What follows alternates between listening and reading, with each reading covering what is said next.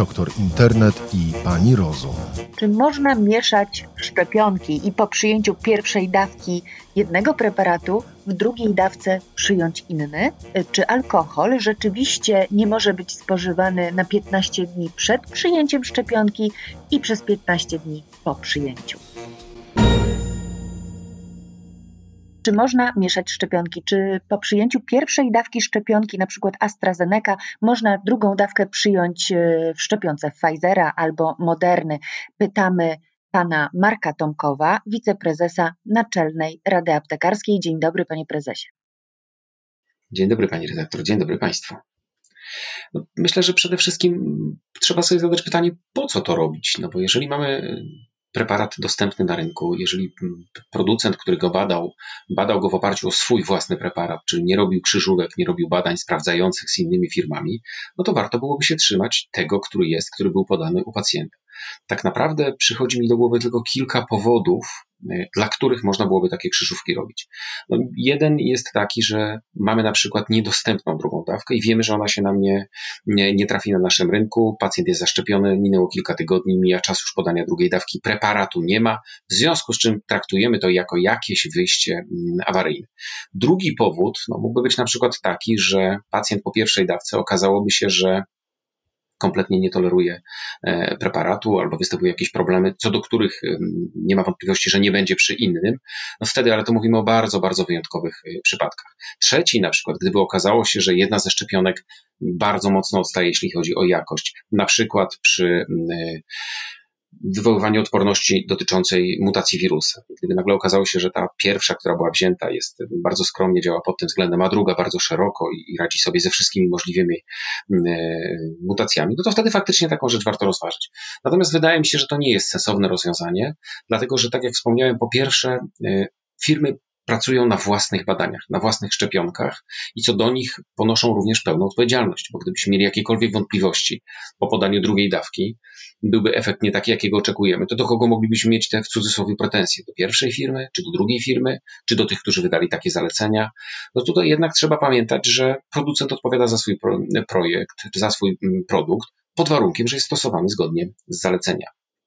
A więc jeżeli mamy normalnie dostępność drugiej dawki z tej samej firmy, to zdecydowanie rozsądniejszym rozwiązaniem jest trzymanie się takiej, e, takiej wersji. No trudno znaleźć naprawdę podstawy, żeby, żeby robić krzyżówki.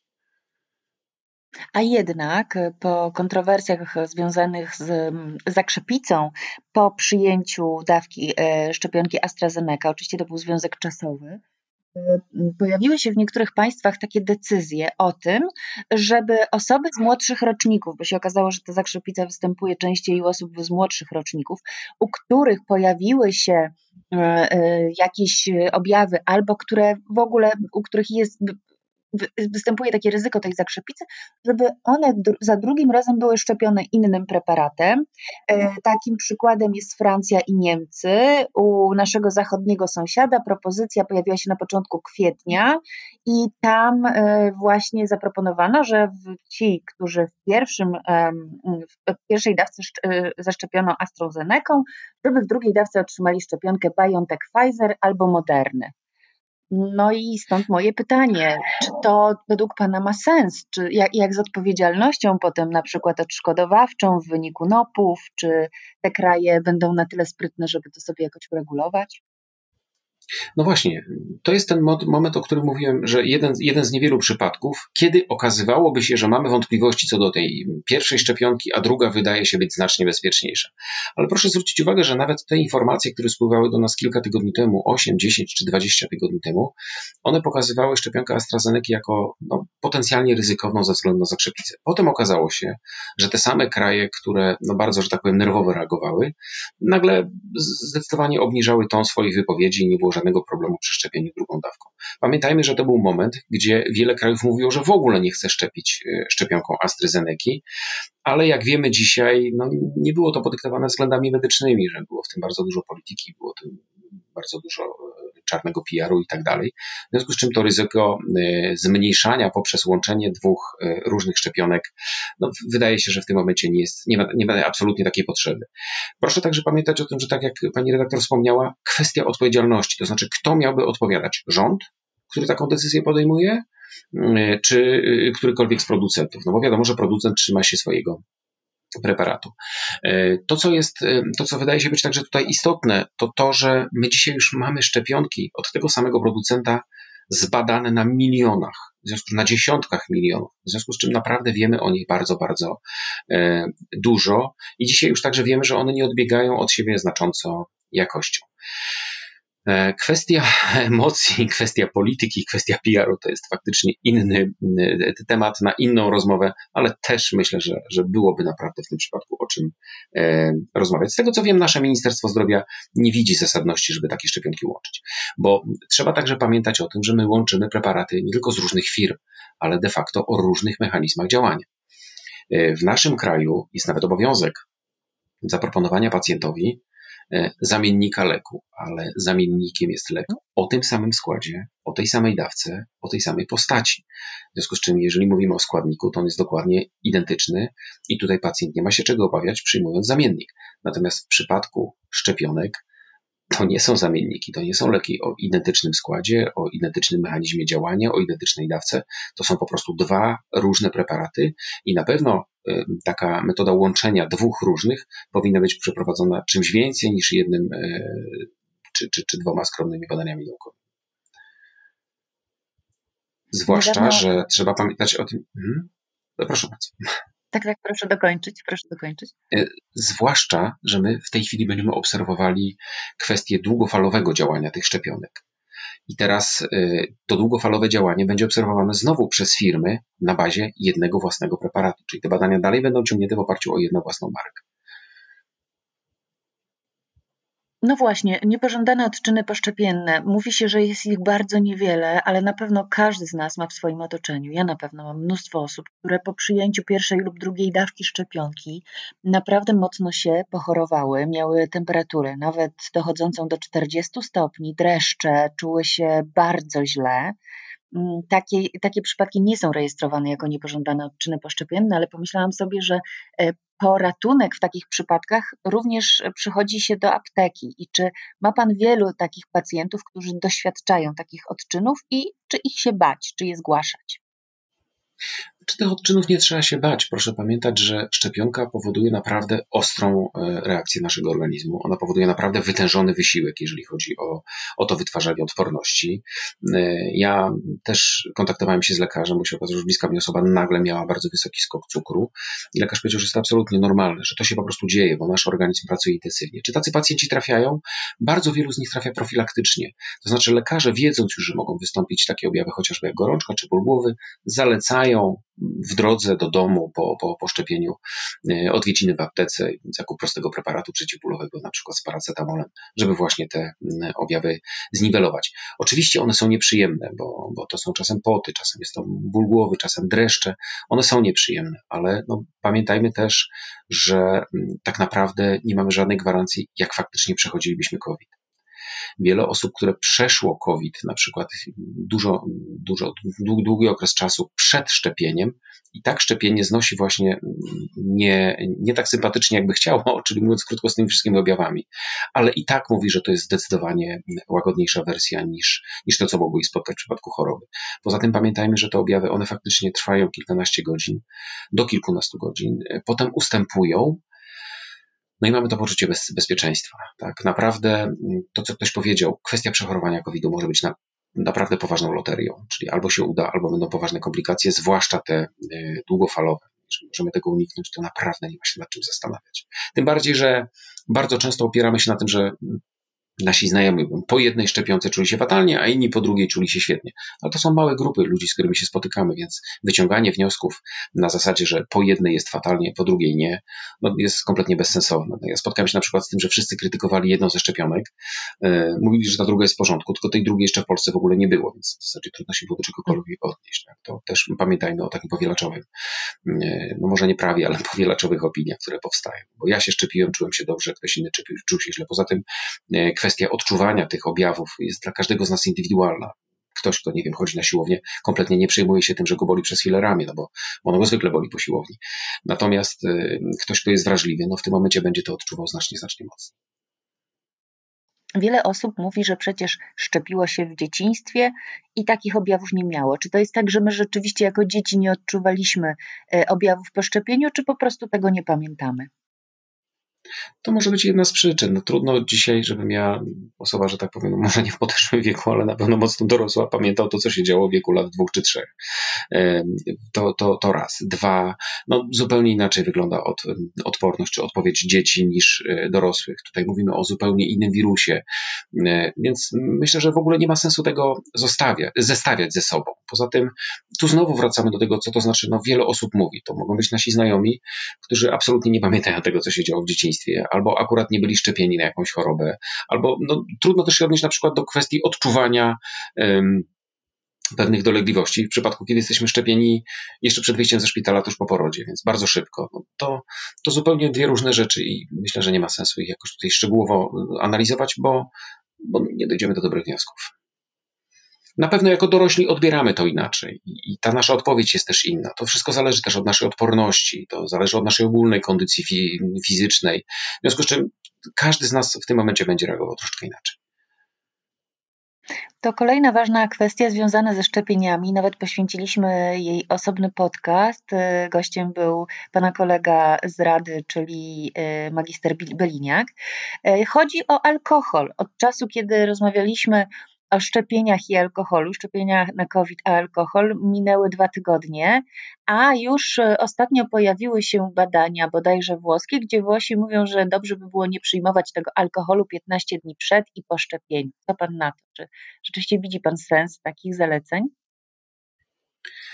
E, no jeżeli Włosi tak mówią, a oni są miłośnikami wina, to widocznie mają do tego podstawy. Natomiast tak zupełnie poważnie, e, no my mamy wyrobione nawyki gdzieś tam na, na, na studiach i później w trakcie pracy, że generalnie leki i alkohol to nie jest dobre połączenie. To oczywiście pierwsza rzecz, ale druga rzecz, no to jest pytanie o dawkę, bo co to znaczy przyjmować alkohol? W zależności od kraju, w zależności od grona, to może oznaczać bardzo różne dawki. No i tu w tym momencie faktycznie łączenie tego, w mojej ocenie, z większą ilością alkoholu nie ma kompletnie sensu. No jakby w ogóle samo łączenie czegokolwiek z dużą ilością alkoholu nie ma sensu, bo ani to zdrowe, mm, ani sensowne, ale, e, ale generalnie ja uważam, że przy tego typu szczepieniach powinno się zachować tę wstrzemięźliwość, zwłaszcza, że my nie mówimy tutaj o nie wiadomo jak długim okresie, to jest kwestia kilkunastu raptem dni, tak, więc tutaj absolutnie jestem zdania, że, że tę wstrzemięźliwość należy zachować. Natomiast nie sądzę też, żeby małe dawki alkoholu typu kieliszek wina były tutaj jakimkolwiek przeciwwskazaniem, czy, czy żeby osłabiały w drastyczny sposób szczepionkę. To, to z takimi badaniami też się nie spotkałem.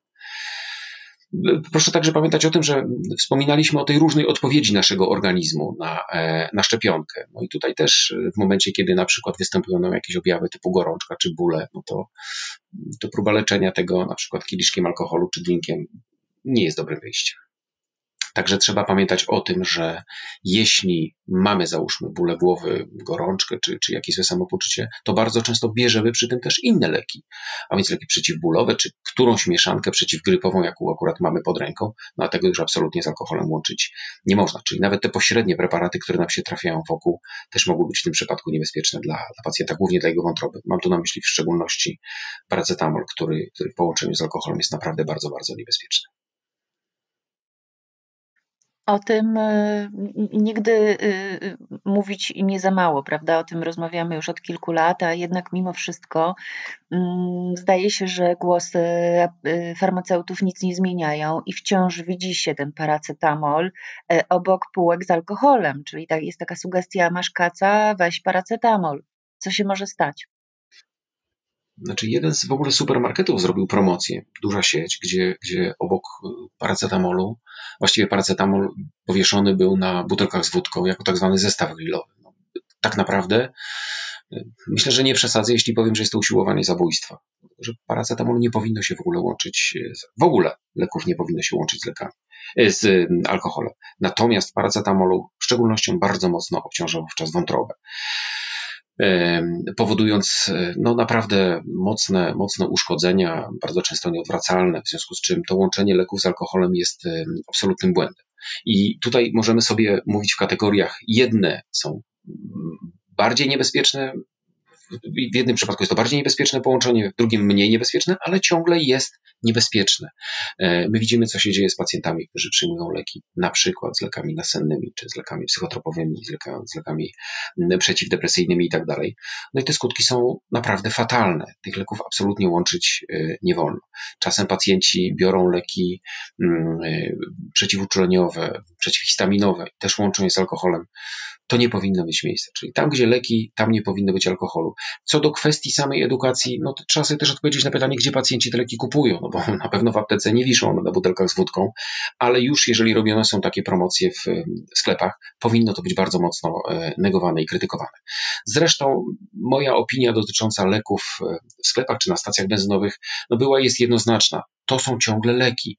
Y, pani redaktor odwoływała się do wielu krajów, ale podróżując przez, przez Niemcy, nie znajdzie się na stacjach benzynowych takiego szerokiego arsenału jak u nas. To, co mnie osobiście przeraża, no to fakt, że tam znajdują się już leki dla dzieci. Mało tego, tam znajdują się już leki, które do niedawna były w Polsce dostępne wyłącznie na receptę.